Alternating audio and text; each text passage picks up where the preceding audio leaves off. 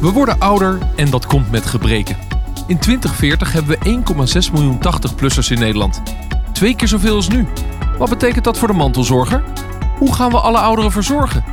Met minder mantelzorgers moeten we meer voor elkaar zorgen. En kunnen nieuwe woonvormen bijdragen aan een nieuwe manier van mantelzorg? Iedereen wordt ouder en moet hier dus over nadenken. In deze podcast helpen we je op weg. Dit is de Mantelzorg Podcast van Mantelzorg NL. Mijn naam is Maarten Bouwhuis. Fijn dat je luistert. In deze derde aflevering van de Mantelzorg Podcast gaan we het hebben over de sociale, juridische en financiële gevolgen van die woonvormen die we vast willen pakken. De mantelzorgwoning en de meergeneratiewoning. En dat is niet onbelangrijk. Er verandert immers nogal wat wanneer je verhuist naar een andere woning. Uh, en er is ook sprake van een andere zorgsituatie. En dus zijn weer bij mij aangeschoven Ginette Klein, Mantelzorg NL, juridisch adviseur, belangrijk in deze en medewerker van de Mantelzorglijn. Vereniging Eigen Huis, Klazien Ouderdorp, Klazien fijn dat je er bent en Gerdien Beumer, mantelzorger en zorgprofessional. We gaan het even vastpakken met elkaar. het juridische, het financiële. Maar dat is wel ongelooflijk belangrijk bij eigenlijk, uh, Gerdien, een emotionele keus die je maakt om jezelf te helpen als mantelzorger. Uh, want jij hebt je ouders bij jou op het erf gehaald in een mantelzorgwoning. Daarom zit je bij ons aan tafel. Dat hebben de luisteraars in de vorige twee afleveringen kunnen horen. Jouw ouders wonen daar. Dat, dat is een emotionele keuze, kan ik me voorstellen. Maar daarna komt eigenlijk het praktische gedoe. Wat er ook bij hoort dus. Ja, dat noemde ik in de eerste aflevering, hè, dat gedoe. Inderdaad. En dat, daar, dat weet je pas echt daadwerkelijk als ze er wonen. Ja. Daar, daar denk je. Nee, maar goed, voordat je daar komt, heb je heel veel financiële en juridische ja. hobbels te nemen. Ja. Dat is ook gedoe. En die komen er, uh, dat is ook gedoe. Uh, maar ben je er klaar voor om dat de komende 25 minuten even vast te pakken? Even terug te gaan in jouw, in jouw herinnering van hoe was dat financiële en juridische gedoe ook ja, alweer? gaan we doen. Ja, kom maar op. Precies. Maar Ginette, uh, dat, dat gaan we samen doen. Want mm -hmm. jullie weten daar bij Mantelzorg NL heel veel van. Uh, ja, jullie moeten wel de vraagbaak zijn om ja. daar de antwoorden in te geven, nou, toch? Dat, dat, zijn we, dat zijn we. Ja, we hebben het allemaal uitgezocht, want het is echt complex. Er komt echt heel veel bij kijken. Ja. Dus ja, als je het hebt over financiële uh, Ja, laten we daar maar beginnen. Want, gedoe. Uh, ja. um, mm -hmm. Nou, stel je hebt dus die mantelzorgwoning, zoals bij Gerdien. Dus je, je plaatst een speciale woning op je erf. -hmm. Dat kost een hoop geld. Nou, ik wil net zeggen, vaak heb je hem eerst nog niet en dan moet je hem zien te krijgen. Dus heel veel mensen die doen dat door hun eigen huis te verkopen en dan daarvan een, zo'n mantelzorgchalet aan te schaffen. Maar goed, niet iedereen is natuurlijk zo fortuinlijk dat je een, een, afbetaald huis hebt wat je hebt kunnen verkopen. Dus hoe kom je er dan aan? Want we hebben het over, hè, toch al gauw 50 tot 100.000, misschien 150.000 euro. Als je een hele mooie uitgebreide Maar dat is dan hebt. met jacuzzi? Misschien. Maar zo duur kunnen ze dus zijn. Dus waar haal je dan het geld vandaan? Nou, veel mensen gaan natuurlijk naar de bank. En een hypotheek, die krijg je er eigenlijk niet voor. Uh, dus wat, doen, wat kun je wel krijgen via de bank? Dat is bijvoorbeeld een lening. Maar dan heb je het alweer over hè, een, privé, een privé, pri, hoe heet dat? Een private lening? lening? Ja, persoonlijke lening. Persoonlijke lening. En dan zijn de rentes al ja. een stuk hoger dan hypothecaire Nou, die rente lening. is hoger, precies. Wat soms nog wel kan, is dat je via de gemeente een blijverslening probeert te krijgen. Maar dat is vaak maar voor een klein deel van alle kosten. Dat is in ieder geval tegen gunstige voorwaarden en vaak wat lagere uh, rente. Vaak moet je hem dus kopen. Nou, er komen nu wat nieuwe initiatieven dat je een mantelwoning kan huren of leasen, dat hij uiteindelijk wel van jou uh, wordt. Of, of tweedehands, vergeet dat niet. Dus er komen steeds meer tweedehands mantelzorgwoningen uh, op de markt. Dan hebben we het over de financiële aanschaf van een mantelzorgwoning. Maar veel mensen die bellen, die zijn ook bang dat ze, uh, als ze gaan samenwonen met hun ouders of van ouders in de tuin, dat ze gekort gaan worden op hun AOW. Of dat uh, het invloed heeft op de toeslagen. Dus heel veel mensen zijn bang dat, dat er allerlei belastingtechnische of, of ja, qua uitkering gevolgen aan zitten. Is dat dan zo in de praktijk? Nou, als je als ouders uh, en kinderen samenwoont, dan valt dat in de regel best wel mee. Want om even wat termen erin te gooien, je wordt niet geen uh, fiscaal partners en je wordt geen toeslagende partners. Dus dat betekent dat niet al die inkomens bij elkaar worden blijven, geteld om het uh, juridisch te berekenen. Gezien, uh, voor de fiscus twee huishoudens. Ja, ja, in de regel wel. Misschien alleen niet voor huur, maar dat is dan een specifieke situatie. Maar, um, nou ja, dus uh, daar zijn veel vragen over. Maar het betekent dus, ja? um, uh, ook even naar jou toe, dat als je een eigen woning hebt uh, die je gekocht hebt begin jaren 80 en die heb je in 30 jaar tijd afge, afbetaald. Mhm. Mm -hmm. Ja, dat je misschien die drie, vier ton wel op de bank hebt, hebt staan. Uh, om gewoon zo'n woning te kopen. Dat zou kunnen. Mensen hebben natuurlijk veel overwaarde in deze tijd. En eh, als je je huis verkoopt, heb je dat geld ook in handen. Ehm, ja, wat wij merken is dat als mensen samen een woning willen kopen... en dan praat ik niet over een mantelzorgwoning in de tuin... Waar Maar de je, meergeneratiewoning? maar de meergeneratiewoning. Eh, en je hebt dat geld niet allebei. Bijvoorbeeld twee mensen of twee gezinnen gaan samenwonen, ouders en kinderen, verkopen allebei hun huis. Dan is er waarschijnlijk wel wat geld waar je een eh, volgende woning mee kan kopen. Maar de problemen ontstaan eigenlijk op het moment dat je nog een hypotheek nodig hebt voor die volgende woning. Even los van dat als je allebei geld inbrengt in een gezamenlijke woning, je ook wel heel veel moet regelen. Daar weet Gerdien ook wel heel veel van, denk ik. Maar stel dat je wel een hypotheek nodig hebt en je klopt aan bij de bank. Ja, dan vindt zo'n bank dat toch een andere hypotheekaanvraag als dat een man en een vrouw, man, man, vrouw, vrouw aanklopt. Een stel. eh, en voor hun woning een hypotheek wil sluiten. De bank zegt dan van ja, we hebben eigenlijk met twee stellen te maken. Wat gebeurt er als er iemand komt te overlijden? Wat gebeurt er als er iemand uit zou willen? Ehm, misschien zijn er wel meer dan twee inkomens nodig om zo'n financiering rond te krijgen. Dat vinden wij best gek. Dat maken we normaal gesproken niet mee. Nee, en alles wat afwijkt. En alles wat afwijkt. Ja. ligt heel moeilijk. Dus die financiering rondmaken, eh, dat is een zoektocht. Ja. Je zult uit moeten komen bij een geldverstrekker die ja, begrijpt waar je mee bezig bent. En dat geldt lang niet voor alle geldverstrekkers nog op dit moment. Eh, Wat vind je daarvan? Want dat voelt heel conservatief als ik denk, ja jongens, we moeten ons voorbereiden op het ouder worden. En, en die, die financiële instellingen zijn er nog niet. Als je ziet hoeveel ouderen er zijn en hoeveel mensen voor zichzelf ook in de toekomst moeten zorgen, dan zou het heel goed zijn als geldverstrekkers daar mee aan de slag gaan. En ook voor, voor dit soort situaties heldere eh, regels hebben. Zo werkt het. Wij snappen dat er meer inkomen nodig is dan alleen één of twee inkomens. En wij kunnen daarmee, eh, wij kunnen daarmee uit de voeten. Maar het is dus, dan hebben we het even over de meergeneratiewoning, wel te doen. Je gaat wel een financier vinden die dit wil met jou. Het is een zoektocht. Je gaat hem misschien wel vinden, maar je moet er niet van uitgaan dat je net als dat je dat voor jezelf gewend was, bij een advi- adviseur aanklopt en zegt: Ik wil een hypotheek. En dat dat op heel snelle termijn eh, te regelen Ja, hoe ging dat dan bij jouw mantelzorgwoning? Hoe heb je dat financieel eh, uiteindelijk kunnen inrichten? Wij hebben echt de mazzel gehad dat mijn vader en moeder inderdaad een huis verkochten waar eh, bijna geen hypotheek meer op zat. En ehm, hebben zij de mantelzorgwoning zelf helemaal kunnen financieren. Zelf. Zo. Dat is eigenlijk het meest ideale. Dat Want is dan, wel echt dan, het dan zijn degenen die verzorgd hoor- gaan worden, Ja. ook degenen die dus hun eigen woning, op jouw erf weliswaar, financieren. Ja. Ja, is dat ook het advies wat je probeert te geven, Ginette? Van ja, probeer het maar zo te doen. Dan heb je ook die scheiding van die huishoudens. Nee, nee, hier zit een, een adder onder het gras waar je echt wel op eh, bedacht op moet zijn. Zodra jouw ouders een, een, een mantelzorgwoning, wat in feite een bijgebouw is, als het gaat over juridische termen, zodra zij dat plaatsen in jouw tuin, is het van jou. Want het is een bijgebouw in jouw tuin op jouw grond. Gerdien, je hebt twee woningen. Ja. Ja, lekker gevoel toch? Nee, dat Nee. voelde niet lekker ten opzichte van mijn zus. Nee. Ah, zo. Mijn ouders moesten op, op het moment dat ze bij ons kwamen wonen, eh, eh, absoluut eh, iets notarieels vast gaan leggen. Ja. Wat ze zelf niet hadden bedacht.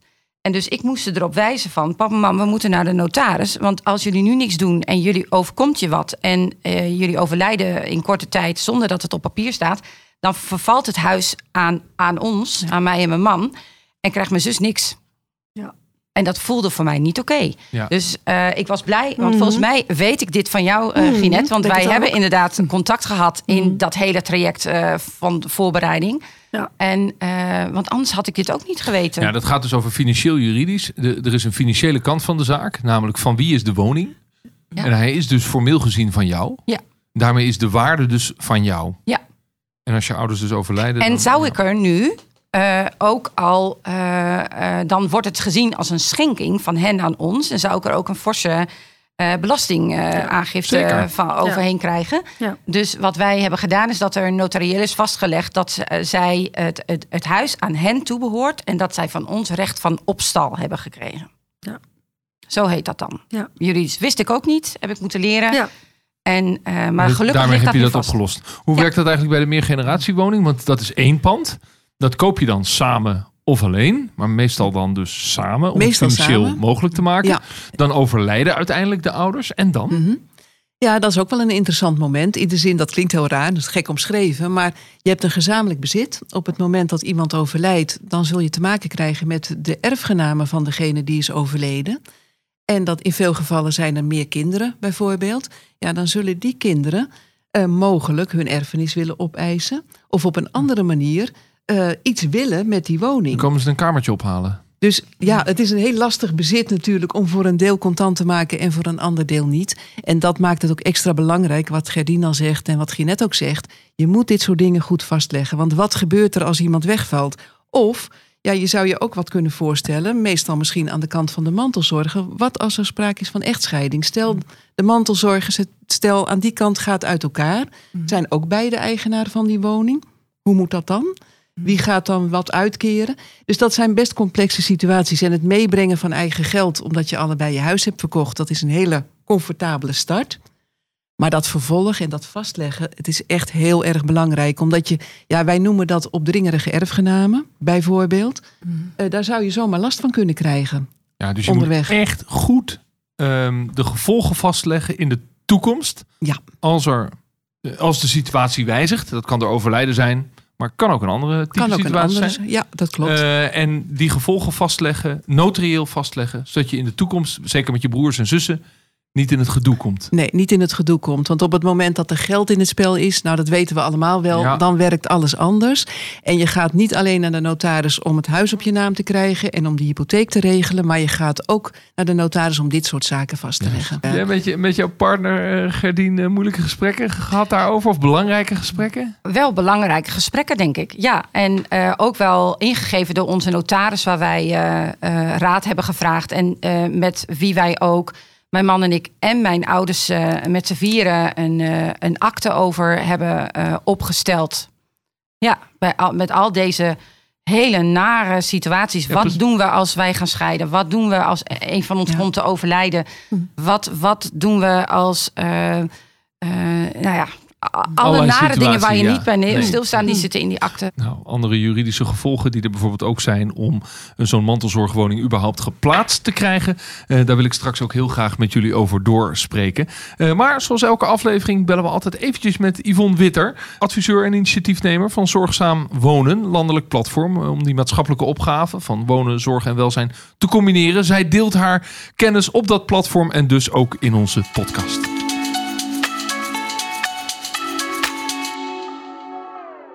Dag Yvonne, hoe is het met je? Prima, met jou. Ja, heel goed. Fijn dat ik je weer eventjes eh, kan bellen.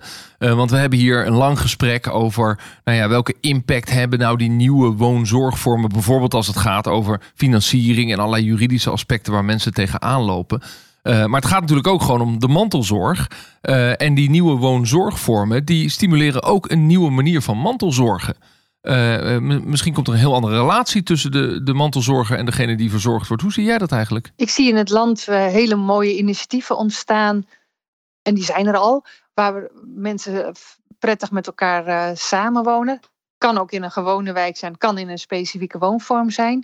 Ik zie initiatieven waardoor, waarbij mensen wat meer voor elkaar zorgen, naar elkaar omzien. En dat kan heel simpel zijn, zoals een prachtige voorbeeld in Eindhoven, de zorgzame buurten.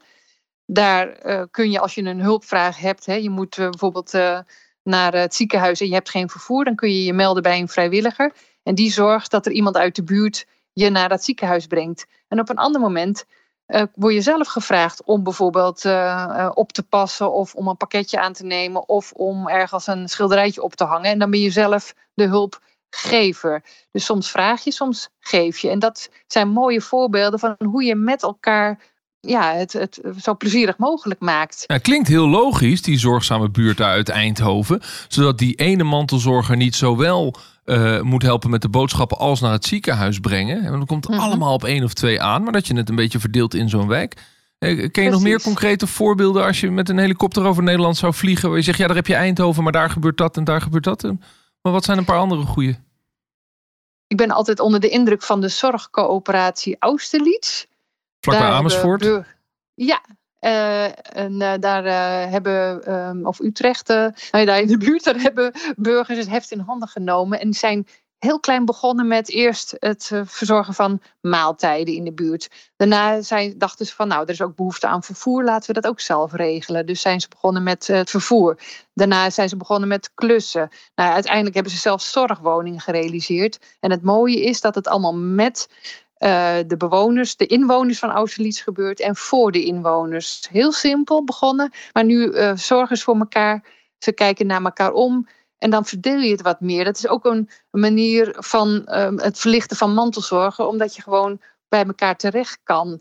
Uh, dus voor het eten, voor het klussen, voor het vervoer. Um, ja, en er is een dorpsondersteuner die ook de mensen met elkaar verbindt. Als ze dan ziet dat daar iemand uh, um, overbelast raakt, als we het hebben over mantelzorg, dan denken ze van hé, hey, die kan misschien of hij um, um, uh, naar de koffieochtend en zorg ik dat er een vrijwilliger komt die dan even bij uh, de vragende zorgvrager blijft. Ja. Nou ja, zo maakt die professional allerlei verbindingen, maar draagt de inwoners zelf de, ja, ook heel veel zorg voor elkaar. Nou, dat vind ik ook een hele mooie. Dat is een mooi voorbeeld. Maar het komt erop Precies. neer, even terug naar die mantelzorger. Die mantelzorger kan verlicht worden als uh, degene die verzorgd moet worden in een wat creatievere, wat nieuwere woonzorgvorm woont. Wijkgericht, buurtgericht, misschien een hofje, misschien een complex. Maar waarin dingen mm -hmm. anders worden georganiseerd uh, dan dat we tot nu toe gewend zijn. Ja, gewoon wat meer um, uh, ja, kijken van waar, waar, waar ligt de behoefte aan. En sommige mensen die gedijen fantastisch in een woongemeenschap Anderen moeten daar niet aan denken. En dan moet je kijken van uh, wat, waar, is daar, uh, waar ligt daar de behoefte aan. Zo zie je ook wel initiatieven van het splitsen van, van eensgezinswoningen. Dan woont de oudere beneden en boven wordt dan verbouwd voor een eh, starter of een student. Nou, dat zijn natuurlijk ook hele mooie manieren van, uh, van wonen en, en voorzieningen delen met elkaar. Ja, de studenten um, mogen de kroeg toch niet in de coronatijd. Dus kunnen ze mooi voor, oma, voor, mooi voor oma zorgen. Ja, of wat, wat, wat ik nog weinig zie in Nederland, wel wat hoor, maar waar ik denk dat daar een mooie kans ligt, is het ontwikkelen van meer generatie woonvormen. Waar jong en oud met elkaar verbonden worden. Waar, ja, uh, waar je over en weer uh, hulp, zorg, uh, aandacht ziet. Je hebt een hele mooie voorbeeld in, in Lent bij Nijmegen, Eikpunt. Daar wonen zo'n honderd mensen van verschillende leeftijden bij elkaar.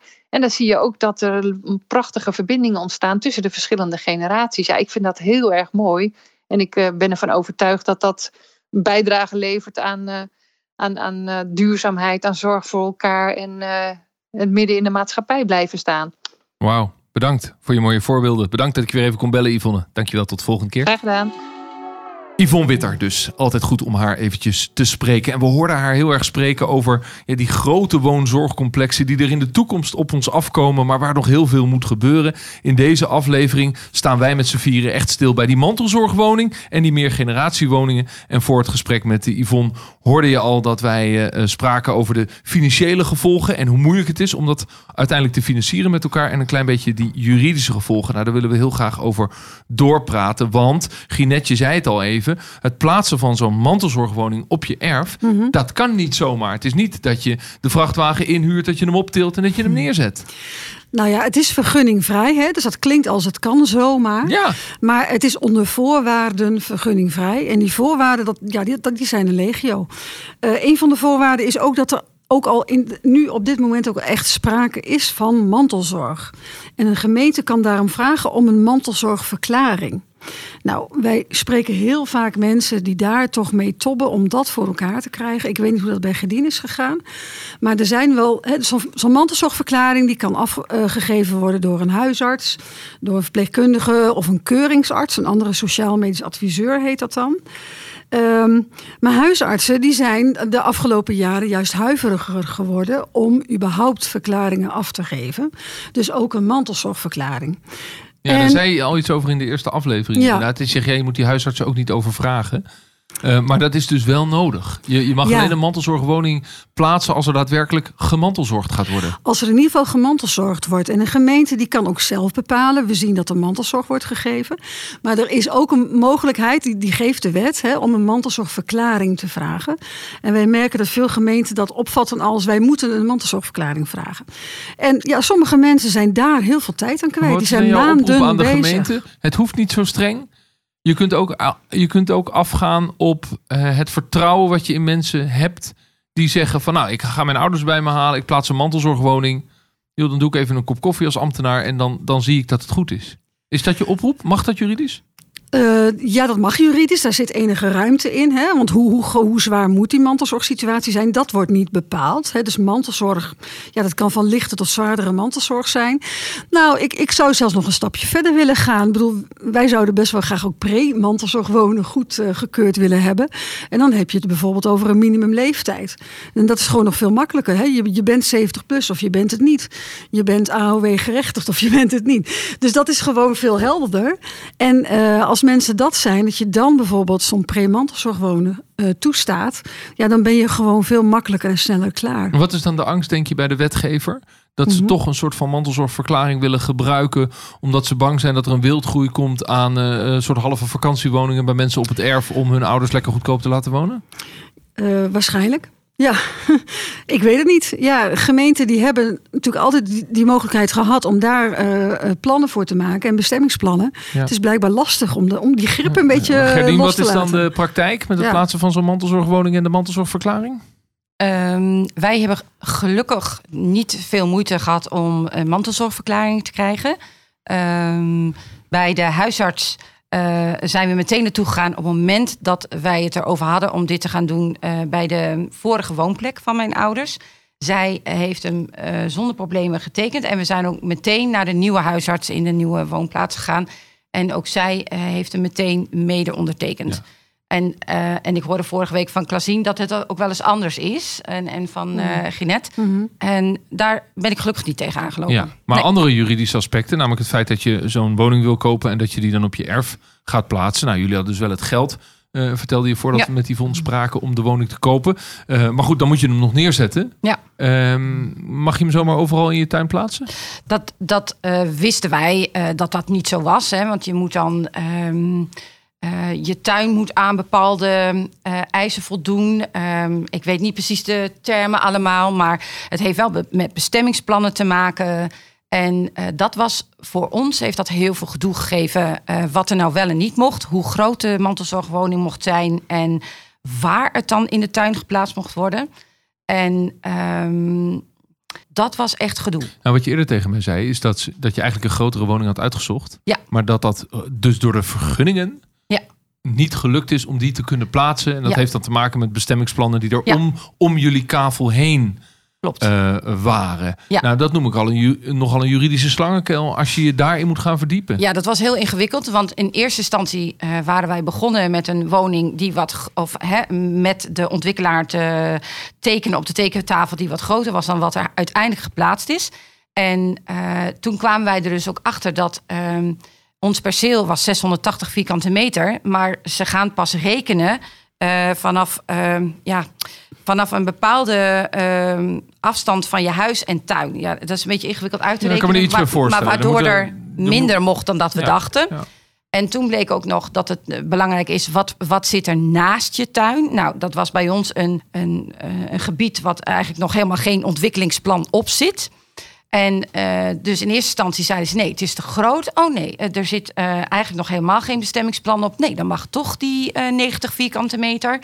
En toen kwam op een gegeven moment werden wij gebeld door de gemeente. Zo van, oh nee, we zien nu dat er een veegplan op zit. Nou, wat is een veegplan? Dat is een Maar dat- plan. een fake plan. Want vervolgens gingen alle ehm, eh, dingen waarvan wij dus inmiddels eh, dachten dat het wel mocht. Dus wel die 90 vierkante meter ging wederom van tafel. En moesten wij opnieuw naar de tekentafel. Ja. En mocht er uiteindelijk 70 vierkante meter komen. Ze konden ons absoluut niet uitleggen wat een veegplan was. En waarom dat dan die 20 vierkante meter niet mocht.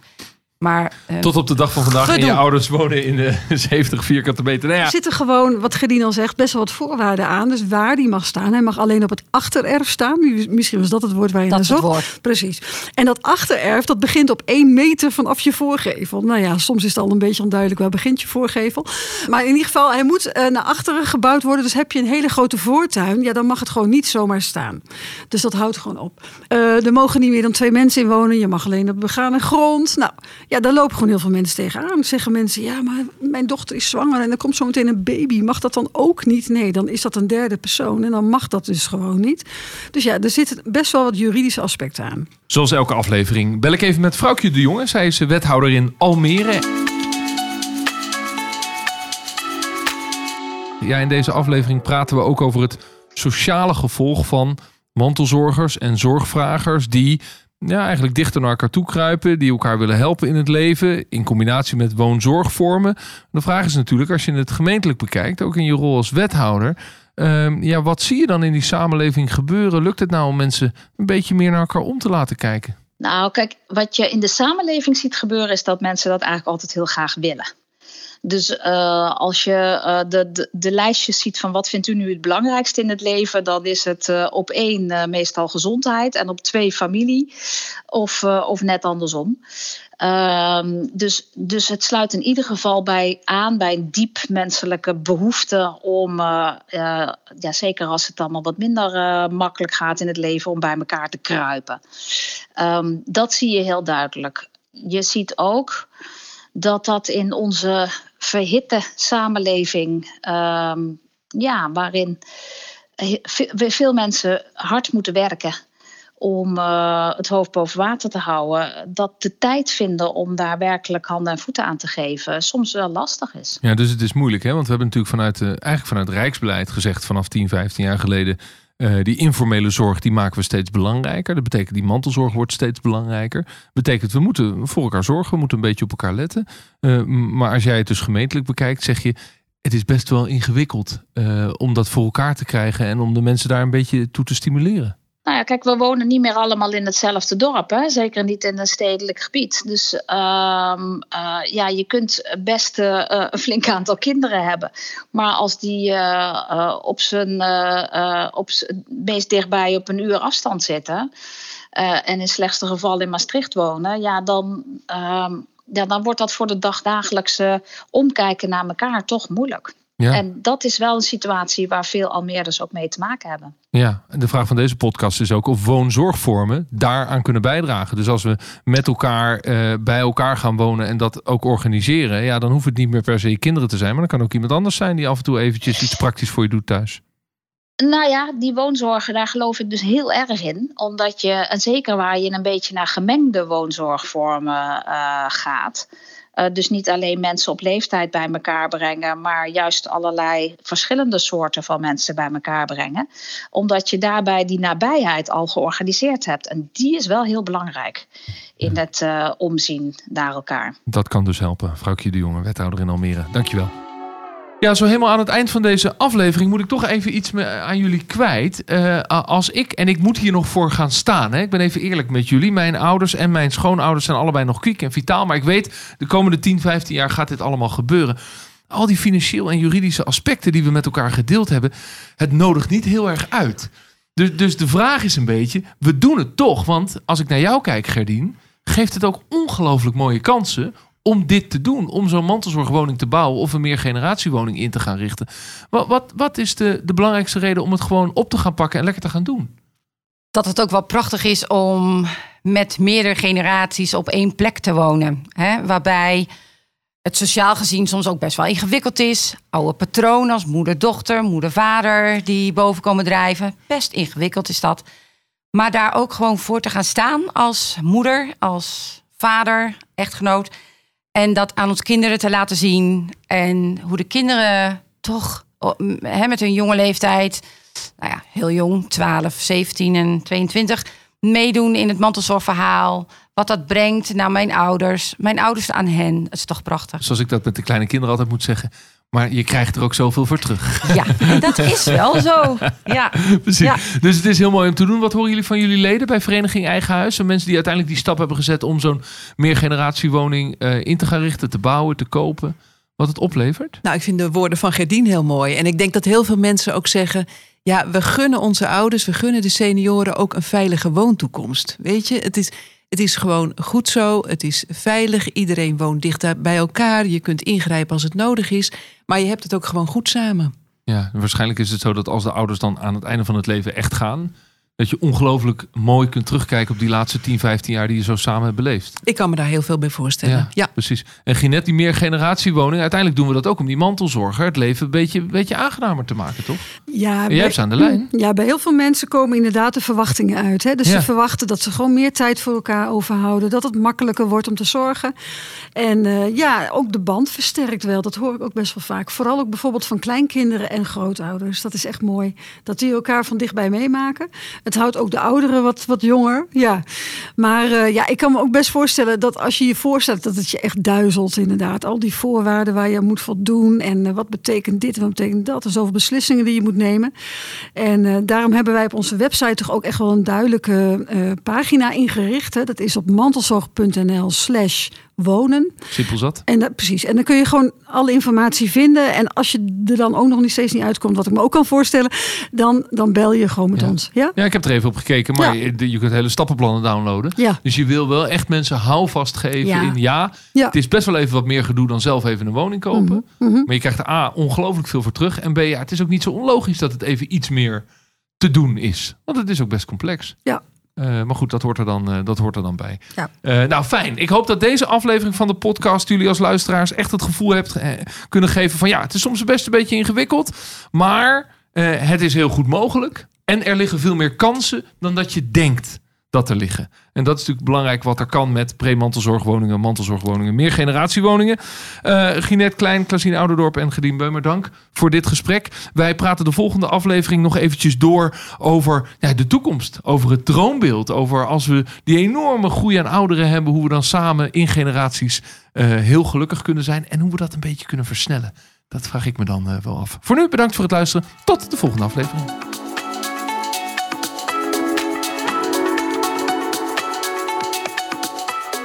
Dit was de Mantelzorg-podcast van Mantelzorg NL. Vind je dit een leuke en nuttige podcast?